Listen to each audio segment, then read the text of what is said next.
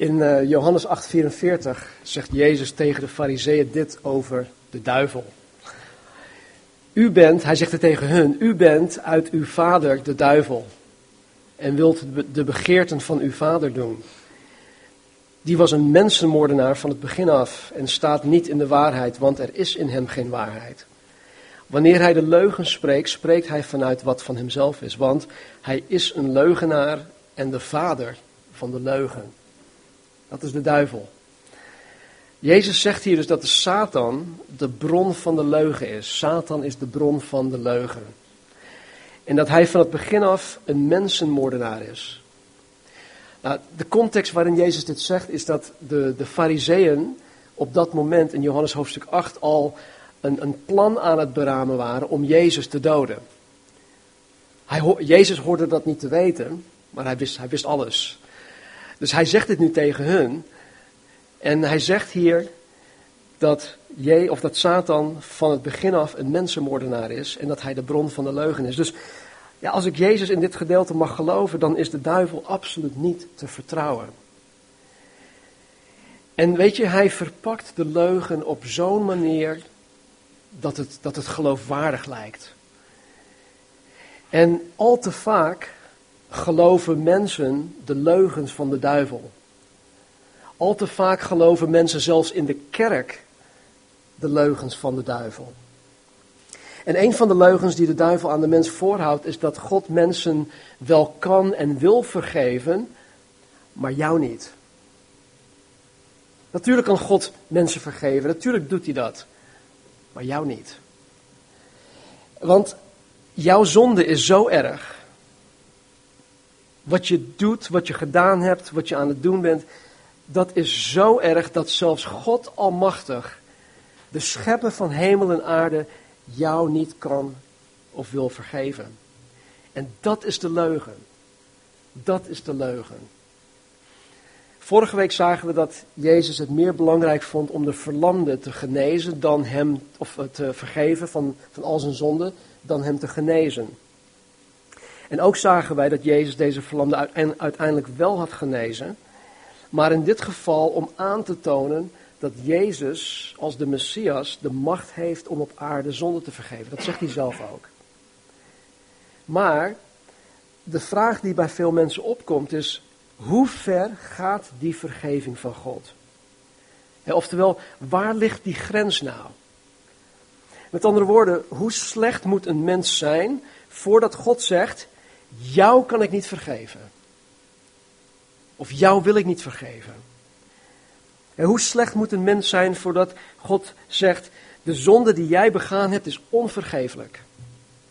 Of dat hij zegt, wat jij mij hebt aangedaan, nou dat kan ik niet vergeven. Ik hoor mensen dat zeggen.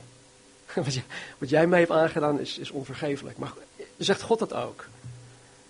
Als iemand zichzelf afvraagt of God hem of haar kan vergeven, dan komt de duivel onmiddellijk met zijn leugen dat God hem of haar niet kan vergeven omdat hij of zij een uitzondering is. Weet je, dat is ook weer een leugen. Satan probeert jou en mij altijd als de uitzondering te laten zijn. Alles wat, wat in de Bijbel staat, dat geldt voor iedereen, maar behalve jou. Want jij bent een uitzondering. Nou, vanmorgen gaan we in Matthäus 9 zien hoe ver Gods vergeving gaat. Dus laten we onze Bijbels openslaan op Matthäus hoofdstuk 9 en dan pakken we het op in, bij vers, in vers 9. Matthäus 9, vers 9.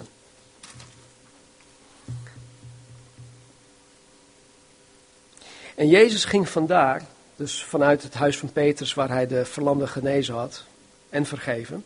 Jezus ging vandaar verder en zag iemand in het tolhuis zitten die Matthäus heette. En hij zei tegen hem, volg mij. En hij stond op en volgde hem. En het gebeurde toen hij in het huis van Matthäus aanlag. Zie, veel tollenaars en zondaars kwamen en lagen met Jezus en zijn discipelen aan. En toen de fariseeën dat zagen, zeiden zij tegen zijn discipelen, waarom eet uw meester met de tollenaars en zondaars? Maar Jezus die dat hoorde, zei tegen hen, wie gezond zijn hebben geen dokter nodig, maar wie ziek zijn. Maar ga heen en leer wat het betekent. Ik wil barmhartigheid en geen offer. Want ik ben niet gekomen om rechtvaardigen tot bekering te roepen, maar zondaars. Tot zover. In vers 9 staat, Jezus ging vandaar verder, zag iemand in het tolhuis zitten die Matthäus heette. En Jezus zei tegen hem, volg mij. Matthäus stond op en volgde hem. Nou, deze Matthäus, die ook het evangelie van Matthäus heeft geschreven, wordt in het evangelie van Marcus en Lucas Levi genoemd. Het kan zijn dat hij twee namen heeft, Matthäus en Levi, maar het kan ook zijn dat, dat Jezus hem een andere naam had gegeven, zoals hij Simon de naam Petrus had gegeven. Hoe dan ook, het gaat in ieder geval om dezelfde persoon. En deze Matthäus was van beroep een tollenaar in dienst van Rome. Een zekere Alfred Edersheim, die in de 19e eeuw heeft geleefd. Hij was een geleerde in het Jodendom, maar hij werd christen. Hij had een, een, een, boek geschreven over de tijd van Jezus en de gebruiken van, van die tijd. En hij zegt in zijn boek dat er in de tijd van Jezus twee soorten tollenaars waren. Twee soorten. Er was één, of één van de, de twee was een, ja dat noemen ze gabai. Ik weet niet of dat goed uitspreek. Maar de gabai was een tollenaar die ehm, voornamelijk belasting inde over onroerend goed en over inkomsten. Dus inkomstenbelasting. En deze werden op basis van een vast percentage geïnd, dus het was min of meer een eerlijke zaak. De tweede soort tollenaar was de mokes. En deze in de belasting over alles wat los en vast zat. Echt alles. Je kon het, je kon het zo gek niet verzinnen. De mokes legden bijvoorbeeld accijns op de import en export van goederen. Tol voor het gebruik van wegen, van uh, de, de, de, bruggen, uh, de havens en dergelijke. Reizigers werden onderweg aangehouden en over alles dat ze bij zich hadden, werden accijns opgelegd. Als men een ezel bij zich had, dan werd de ezel belast. Als een ezel vier poten had, dan werd hij meer belast dan als een ezel drie poten had. Als, een, als, als iemand een kar bij zich had, dan werd hij niet alleen voor de kar, op de kar belast, maar ook de assen waar de wielen aan vast zaten, werd hij belast. Echt op alles. En de Mokes had heel veel vrijheid waarover hij belasting inde. Er waren geen harde regels voor uh, deze zaken, dus hij kon gaandeweg dingen zelf verzinnen.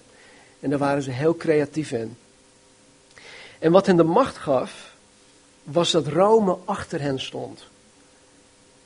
als ik als, als burger van Israël toen tegen zo'n Mokes zou zeggen van ja, maar dat kan je niet maken. Uh, hallo, uh, ik, ben een, uh, ik ben in dienst van Rome. Je moet. Dus dat gaf hen de macht.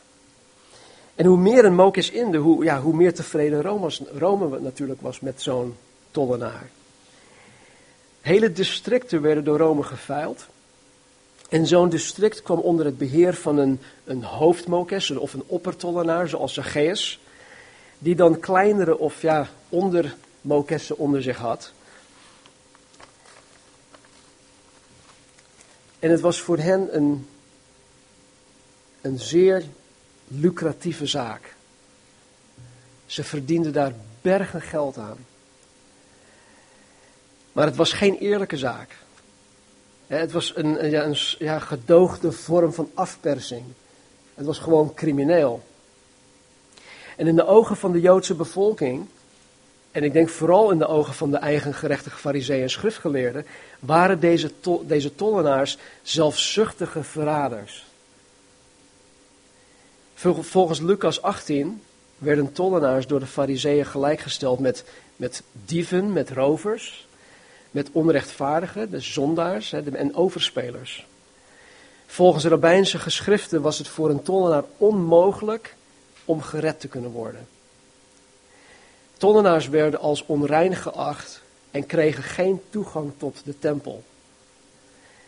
En men mocht geen aalmoezen aannemen van een tollenaar omdat zijn geld besmet was.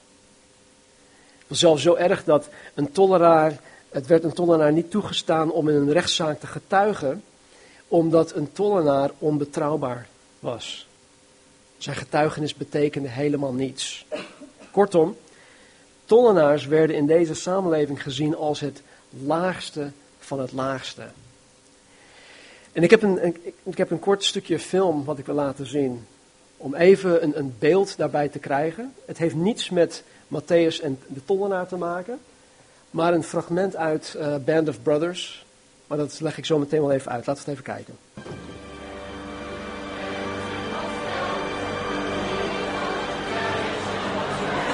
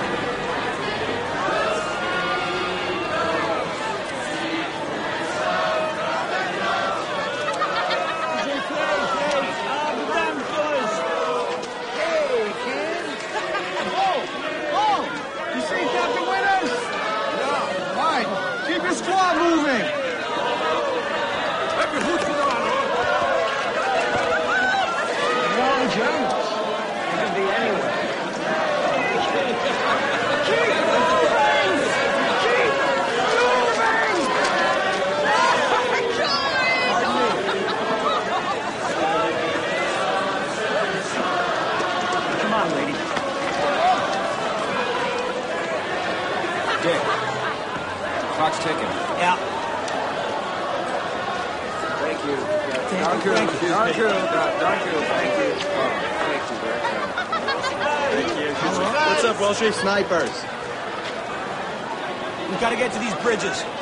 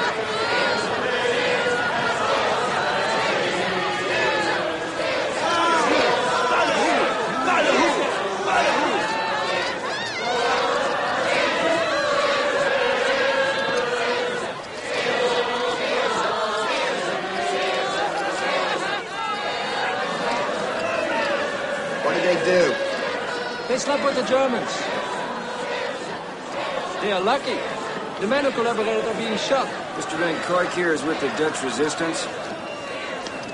We've been waiting and hoping for this day. For almost five years. Heftig stukje. Het is een fragment uit uh, de tiendelige serie van Band of Brothers. Dit vindt plaats in Eindhoven in september 44, toen Nederland bezet was door de Duitsers. Amerikanen komen in Eindhoven aan, ze worden door de hele menigte uh, gehuld, is dat goed? en op handen gedragen. Maar dan gebeurt er iets. Dan zien we ineens een aantal vrouwen die worden door de andere mensen gepakt en ze worden kaalgeschoren en ze worden daar vernederd. En de vrouwen wiens haar werd afgeschoren werden ervan beschuldigd dat zij zich met leden van de Duitse bezettingsmacht hebben verbroederd. Oftewel dat ze seks met de bezettingsmacht hebben gehad. En dat noem je in de States, in het Engels, sleeping with the enemy. En daar maakten zij zich schuldig aan. En wat we in dit fragment gezien hebben, is de uiting hè, van die mensen, van de haat en de, de, de verachting jegens deze vrouwen om hun verraad. En ik denk dat hoe de inwoners van Eindhoven walgden van deze vrouwen, walgden ook de inwoners van Israël, van de tollenaars. En ze waren de tollenaars liever kwijt dan rijk, want het waren verraders. En Matthäus tegen wie Jezus zei, volg mij, was zo'n tollenaar. Jezus ging vandaar verder, zag iemand in het tolhuis zitten, die Matthäus heette, en zei tegen hem, volg mij. En hij stond op en volgde hem. Het lijkt misschien heel abrupt, alsof Jezus nu ineens in de zaal komt en zegt, hey Marcel, kom, volg mij. Marcel staat op en hij, hij gaat er vandoor. En maar Jezus was al geruime tijd in dat gebied bezig. Hij, hij, hij oefende zijn bediening al, al geruime tijd uit. En ik denk dat Jezus in, die, in dat gebied een beroemdheid was geworden. Iedereen wist wie Jezus was. En Matthäus had ongetwijfeld veel over deze Jezus gehoord. Misschien had hij Jezus zelfs al eerder meegemaakt of gesproken. Hoe dan ook, Matthäus wist wie Jezus was. Hij wist ook dat Jezus de macht had om op aarde zonde te vergeven. En de eerste kans die, die Matthäus kreeg, greep hij met beide handen aan en hij stond op en hij volgde Jezus. In Lucas 5:28 vertelt Lucas ons dat Matthäus opstond, alles achterliet en Jezus volgde. En dat is een perfect beeld van de bekering. En je bekeert je van je oude leven, je laat alles achter je en je volgt Jezus na. Nou, alhoewel er over Petrus, Andreas, Johannes en Jacobus ook geschreven staat dat zij alles achter zich lieten om Jezus na te volgen, konden zij als, als, als vissers nog altijd terug naar hun oude baan. En weet je nog, nadat Jezus gekruisigd werd, zei Petrus zelfs nog van jongens, ik ga vissen. Dus hij ging weer terug naar zijn oude beroep. Maar als een tollenaar alles achter zich liet, dan was het voor hem over. Einde oefening. Want binnen no time was er een ander die zijn plaats innam en Rome was gewoon helemaal klaar met hem. Dus toen Matthäus alles achter zich liet om Jezus na te volgen, gaf hij uh, ja, menselijk gezien heel veel op. En het gebeurde, vers 10, toen hij in het huis van Matthäus aanlag, veel, zie veel tollenaars en zondaars kwamen en lagen met Jezus en zijn discipelen aan. Nou, aanliggen betekent gewoon eten. Vroeger hadden ze niet van die hoge tafels zoals wij het nu hebben. We schuiven aan, we zitten lekker op een stoel. Nee, zij lagen aan. Ze lagen dan op hun linkerarm en aten met hun, met hun rechterhand. Matthäus heeft hier net zijn baan opgegeven. Hij nodigt vervolgens Jezus, zijn discipelen en al zijn wereldse vrienden uit voor een, een groot afscheidsfeest. En Lucas 5:29 zegt dit. En Levi bereidde voor Jezus een grote maaltijd in zijn huis. En er was een grote menigte van tollenaars en van anderen die met hem aanlagen. Met andere woorden, ze waren heerlijk aan het eten, ze waren aan het tafelen met elkaar.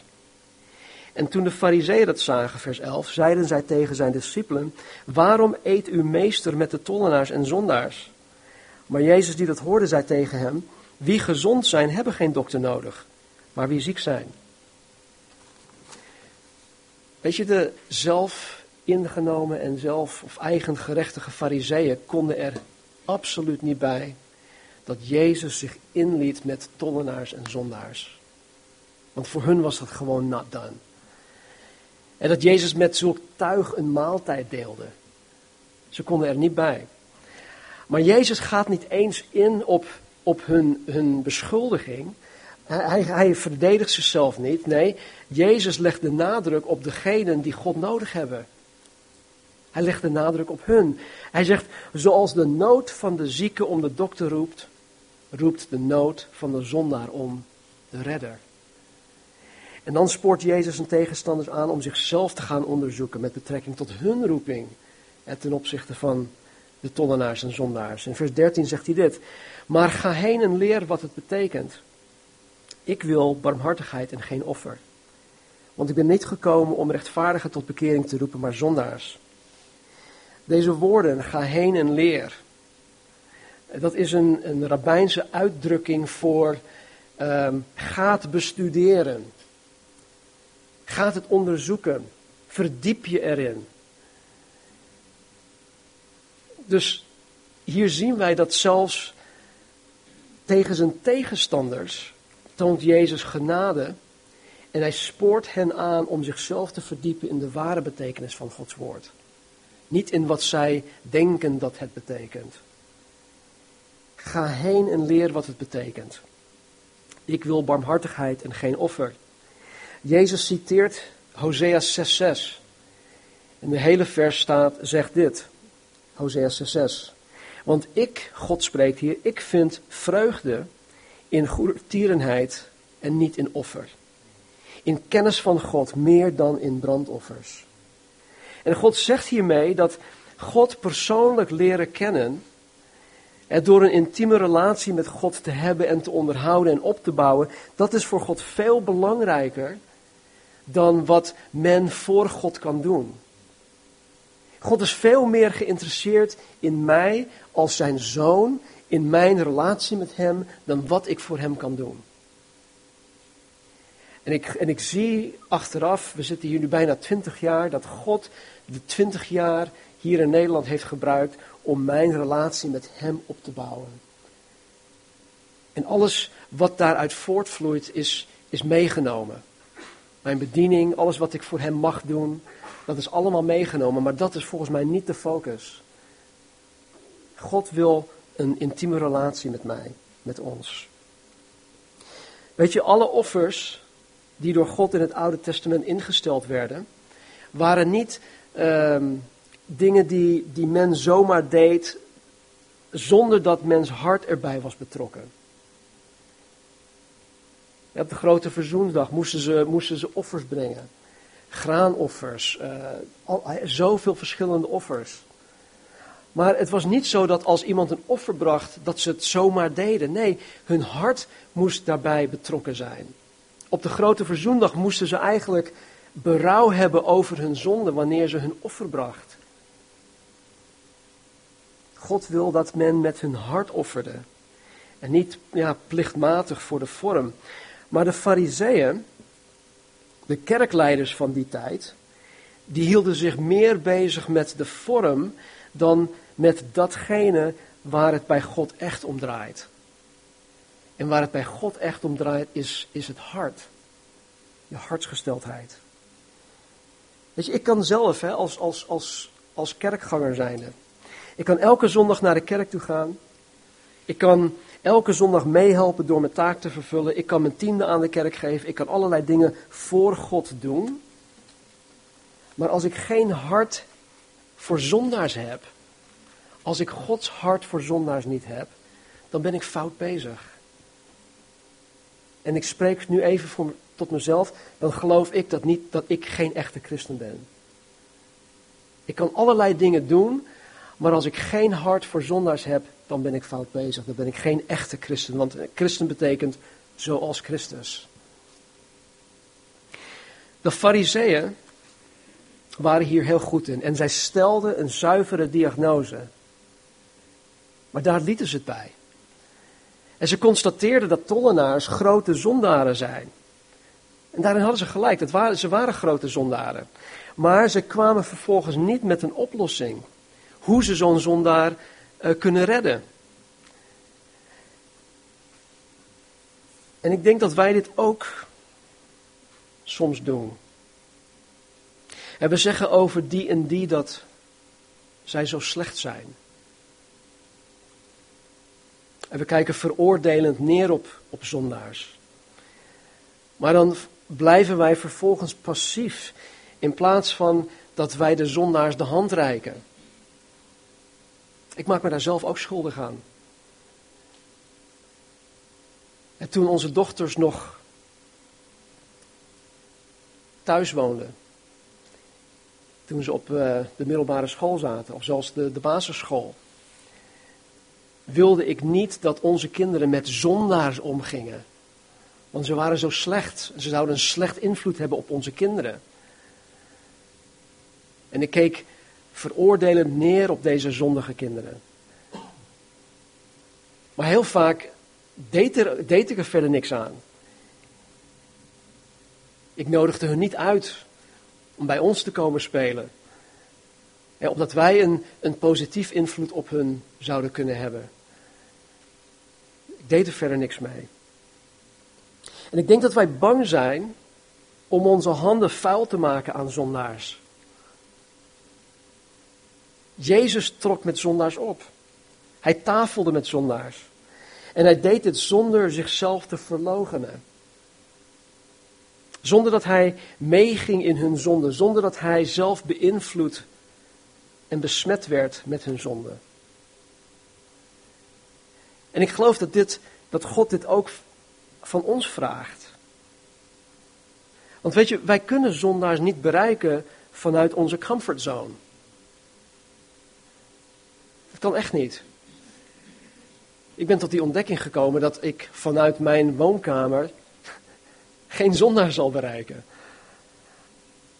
Nee, ik moet of naar hun toe, of ik moet hen uitnodigen om naar mij toe te komen. We moeten willen onze handen vuil te maken om Gods genade, Gods barmhartigheid, om Gods vergeving aan zondaars te kunnen bieden. Maar ga heen en leer wat het betekent. Ik wil barmhartigheid en geen offer. Want, zegt Jezus, ik ben niet gekomen om rechtvaardigen tot bekering te roepen, maar zondaars. Jezus kan helemaal niets met eigen gerechtige mensen. Daar kan hij niks mee.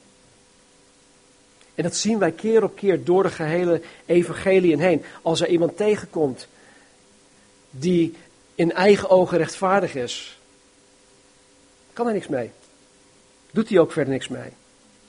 En dit zijn mensen die van zichzelf vinden dat zij hun leven op orde hebben, omdat zij zich aan een bepaalde uh, ja, uh, religieuze rites houden. ik doe dit, dit, dit en dat. Ik heb alle, alles op een rijtje wat mijn religie betreft. Dus bij mij zit het goed. Een van de moeilijkste dingen voor mij is om kerkgangers te overtuigen dat ze zondaar zijn. Want in hun ogen is er niets mis met hun leven. En ik geloof dat Jezus daarom zegt dat hij niet gekomen is om de zogenaamde rechtvaardigen tot bekering te roepen, maar zondaars. Weet je nog, toen wij elf weken lang in de zaligsprekingen zaten, hadden we gekeken naar de karakter, karakteristieken, de eigenschappen van een, een, een echte christen, iemand die echt tot bekering is gekomen, die, die treurt over zijn zonde, die is arm van geest. Maar iemand die in eigen ogen rechtvaardig is, die, die treurt daar niet over. Dat boeit hem helemaal niet. En daar kan Jezus Christus verder niets mee. Weet je, Jezus is gekomen om zijn handen aan mij, aan mij vuil te maken. Hij is gekomen om zijn handen aan, aan ons allemaal vuil te maken. Het roepen tot bekering van zondaars. Het redden van zondaars. Het vergeven van zondaars. Weet je, het is een vieze klus. Het is een hele vieze klus. En het kan niet gedaan worden zonder je handen eraan vuil te maken. Toen ik dit aan het voorbereiden was, moest ik aan Marcel denken. Marcel Nieuwenhuis.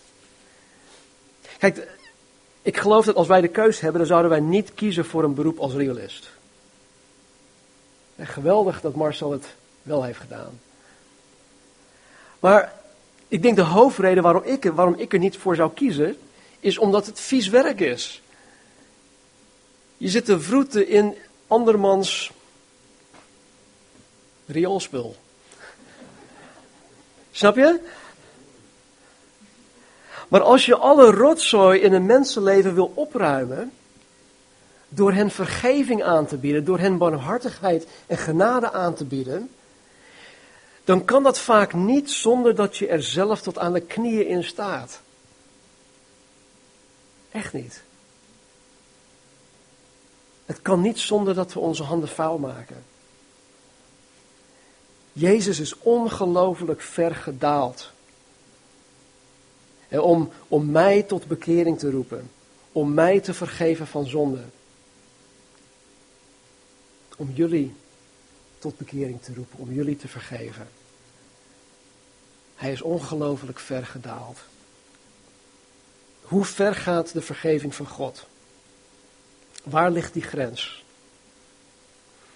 Nou, ik wil bij voorbaat zeggen dat er maar één zonde is die God niet vergeeft. Er is maar één. En dat is het verwerpen van Jezus Christus.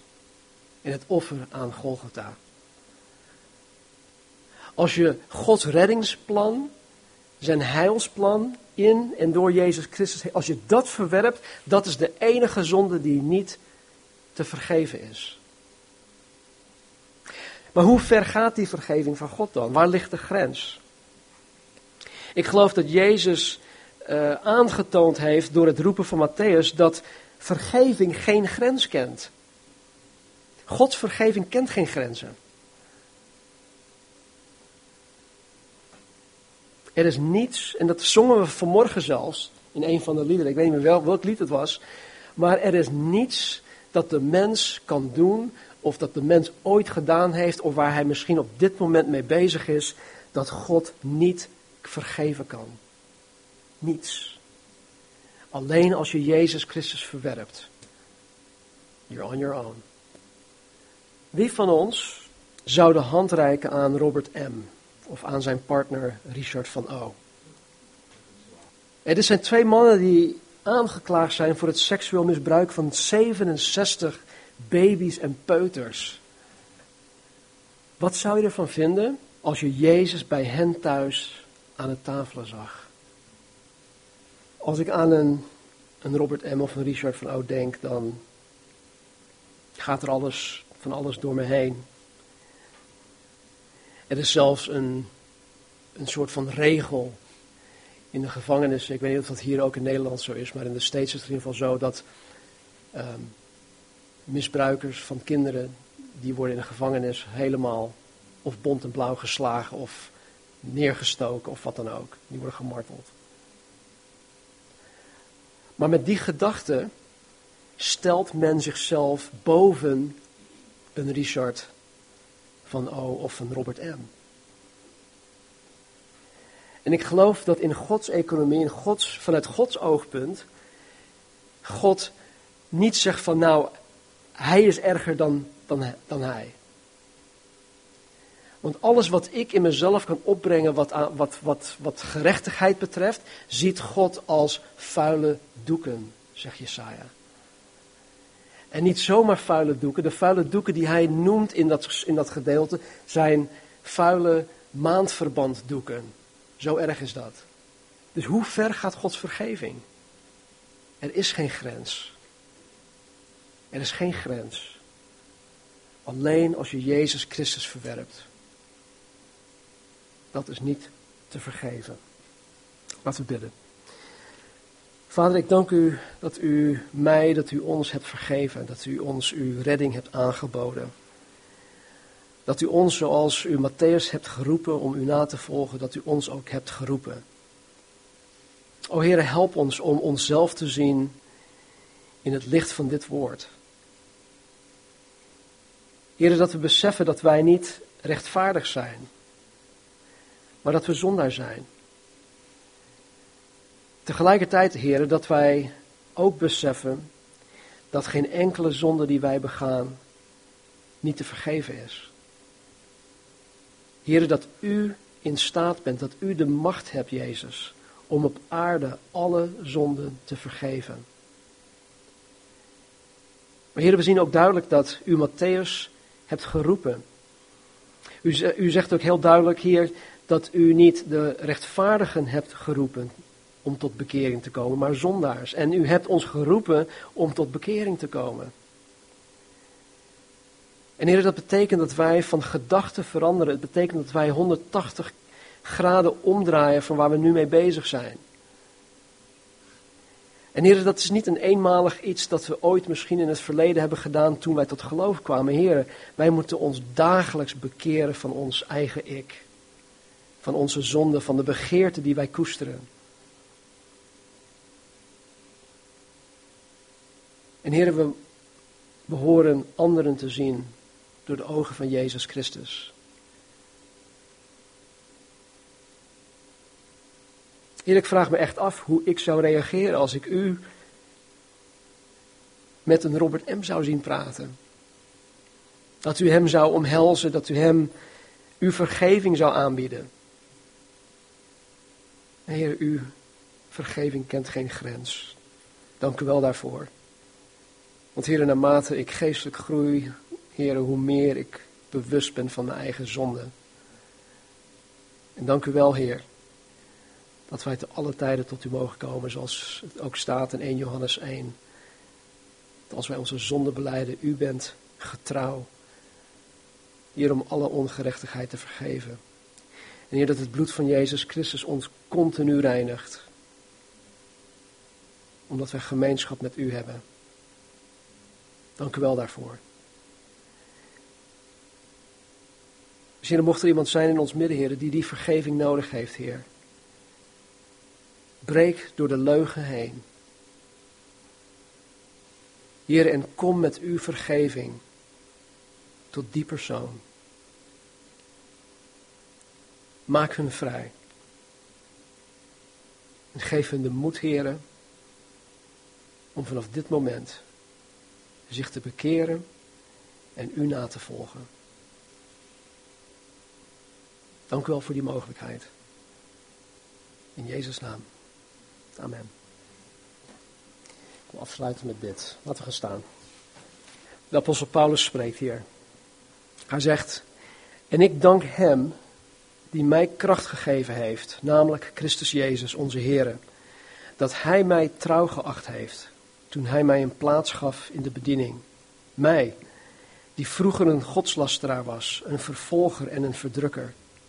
Maar mij is barmhartigheid bewezen, omdat ik het in onwetendheid gedaan heb, in ongeloof. De genade van onze Heer is echter zeer overvloedig geweest met geloof en liefde die er is in Christus Jezus. Dit is een betrouwbaar woord en alle aanneming waard, dat Christus Jezus in de wereld gekomen is om zondaars zalig te maken, van wie ik de voornaamste ben. Maar daarom is mij barmhartigheid bewezen, opdat Jezus Christus in mij, de voornaamste van de zondaars, al zijn geduld zou tonen, tot een voorbeeld voor hen die later in hem zouden geloven tot het eeuwig leven. De koning nu der eeuwen, de onvergankelijke, de onzichtbare, de alleenwijze God, zij eer en heerlijkheid in alle eeuwigheid. Amen. Weet je, mogen de Heeren en ieder van ons deze week zo bepalen hierdoor dat, dat wij beseffen dat wij niet alleen zondaar zijn, maar dat wij een, een, een, een evangelie met ons meedragen. Wij zijn aardevaten, wij hebben deze kostbare schat in ons en dat wij dat met anderen mogen delen. Laten we vandaag beslissen om onze handen vuil te maken, onze handen vuil te willen maken. Mensen komen niet vanzelf, al hebben we dat, die mooie banner daar buiten hangen. Ze komen echt niet vanzelf binnen. Wij zijn de handen en voeten van Jezus Christus.